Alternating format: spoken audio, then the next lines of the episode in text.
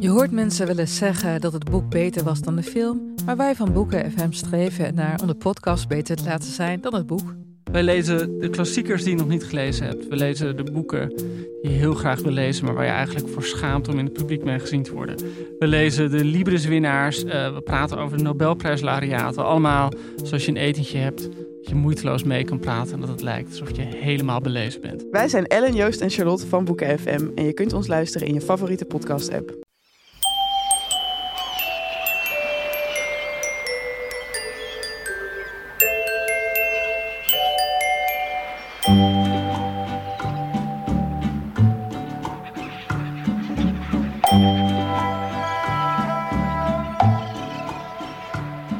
Welkom bij aflevering 330 van Echt Gebeurd, de podcast waarin mensen hun eigen waargebeurde verhalen vertellen.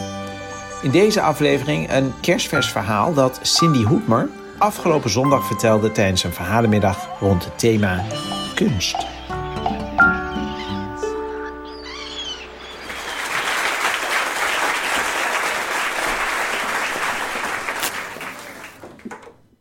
Ik begin even met een uh, verontschuldigende inleiding. Want dat doe ik eigenlijk met alles wat ik vertel. Uh, dit, dit is een verhaal zonder ontknoping. Dus dat, dat jullie dat alvast even weten. Maar uh, nou, het gaat over kunst. Ik hou zelf niet specifiek van kunst. Maar ik hou wel heel erg van de zee. Dus toen had ik op een dag bedacht dat ik een, een zeegezicht wilde. Ik wilde een zeegezicht met een ondergaande zon. En ik wilde dat je kon zien dat de golven transparant waren. Dat uh, leek me belangrijk. En ik dacht dat ik daar waarschijnlijk heel rustig van zou worden. En ik ging dat zoeken op Marktplaats. Maar dat was nog eigenlijk helemaal niet zo eenvoudig. Marktplaats is voor mij altijd heel teleurstellend. En dat was het natuurlijk ook. Maar uiteindelijk, uh, uh, ik zocht eerst gewoon in Amsterdam, want ik heb geen auto. En dan, uh, ja, dan wordt het heel ingewikkeld. Maar dat, uh, uiteindelijk ging het hele land. En toen zag ik er één. Uh, hij was wel een beetje mooi, maar niet echt. en, maar hij kostte maar 15 euro. Dus ik dacht, ik doe het. En ik schreef die vrouw aan. En ik zei tegen haar, ik wil hem hebben, kun je hem opsturen? Nee, zei ze, maar je mag hem morgen komen halen om tien uur s ochtends. Dat ik even, oh, uh, tien uur s ochtends. En het was in Zutphen. Nou, woon ik zelf in Amsterdam. En Zutphen bleek redelijk ver weg. Dus ik moest super vroeg op. Bijvoorbeeld om zeven uur. Toen moest ik twee uur in de trein en nog uh, in een bus. En het regende heel hard. En het was dus zondagochtend. En ik kwam uit de bushalte in een straatje. En ik uh, liep het straatje uit. Het was echt zeg maar, het allerlaatste straatje van Zutphen. En ik ging ook naar het allerlaatste huis van het straatje.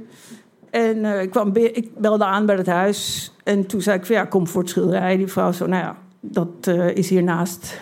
Dus uiteindelijk was het schilderij niet in het allerlaatste huis.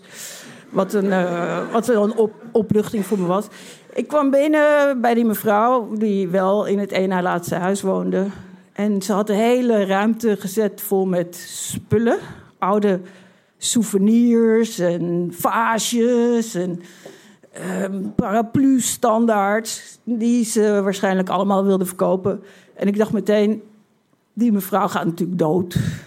En ze heeft alvast alles bij elkaar geraapt om, da, om haar kinderen te besparen. Dat ze dat allemaal moeten opruimen. Dus uh, toen zei ik van, nou ja, uh, heeft u het schilderij? Ze pakte het. En nou, het was heel groot en super lelijk. En er, zat een zwarte lijst omheen waar een beetje goudpoeder op was gedaan, zoals dat in de jaren tachtig wel deden. En nou, ik ik raakte het aan. En het bleek helemaal geen schilderij te zijn. Het was gewoon een, een soort stukje spaanplaat waar wat op was gedrukt. Dus ik zei van, oh, ik dacht dat het een schilderij was. En toen zei die vrouw, nou ja, uh, mijn man en ik vonden het altijd heel erg mooi. Ik dacht, oh ja, die man is natuurlijk dood al. Dus toen dacht ik, nou ja, goed. Uh, ik zei, oké, nou, uh, hier heb je 15 euro. En toen zei zij van, je bent toch wel met de auto? Ik zei, nee, met de bus en de trein. Zij zal ik je even naar het station brengen? Toen dacht ik, nou ja, voor die 15 euro is dat gewoon raar. Want dan houdt ze echt helemaal niets meer over. Dus ik zei van nee, nou, ik ga met de bus. Maar ik wist eigenlijk al dat die bus pas na een uur zou komen. Dus toen ging ik wandelen door Zutphen. Met dat schilderij. En het regende. En, uh, en het was net ietsje groter dan de spanwijdte van mijn arm. Dus het, was heel vervelend uh, om het te dragen. En toen uh, dacht ik de hele tijd van ja, ik kan het gewoon neerzetten, mijn boom en, en, en huis. ik kan, maar toen dacht ik heel ja, straks gaat die vrouw de hond uitlaten en dan ziet ze dat ding staan. En het is gewoon heel zielig, want haar man vond het ook mooi. Dus uh, ja, ik, ik uh, tilde het maar weer verder. Maar ik had heel veel pijn in mijn arm en het waaide. En, uh, en ik dacht, ja, ik kan iets leuks gaan doen in Zutphen.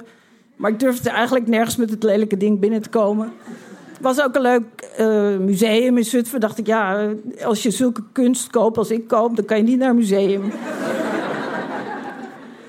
nou ja, anyway, ik uh, heb het meegenomen en uh, thuis opgehangen. En het was eigenlijk, het, het was echt super lelijk. Maar omdat ik er zoveel tijd en moeite in had geïnvesteerd, voelde ik toch wel heel veel liefde voor het schilderij.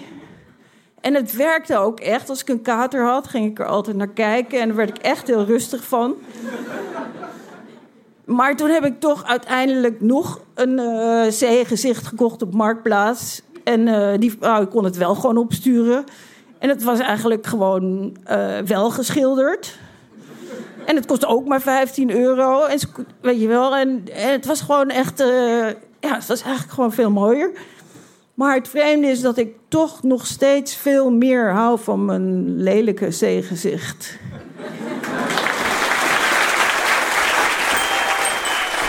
Dat was een verhaal van Cindy Hoedmer.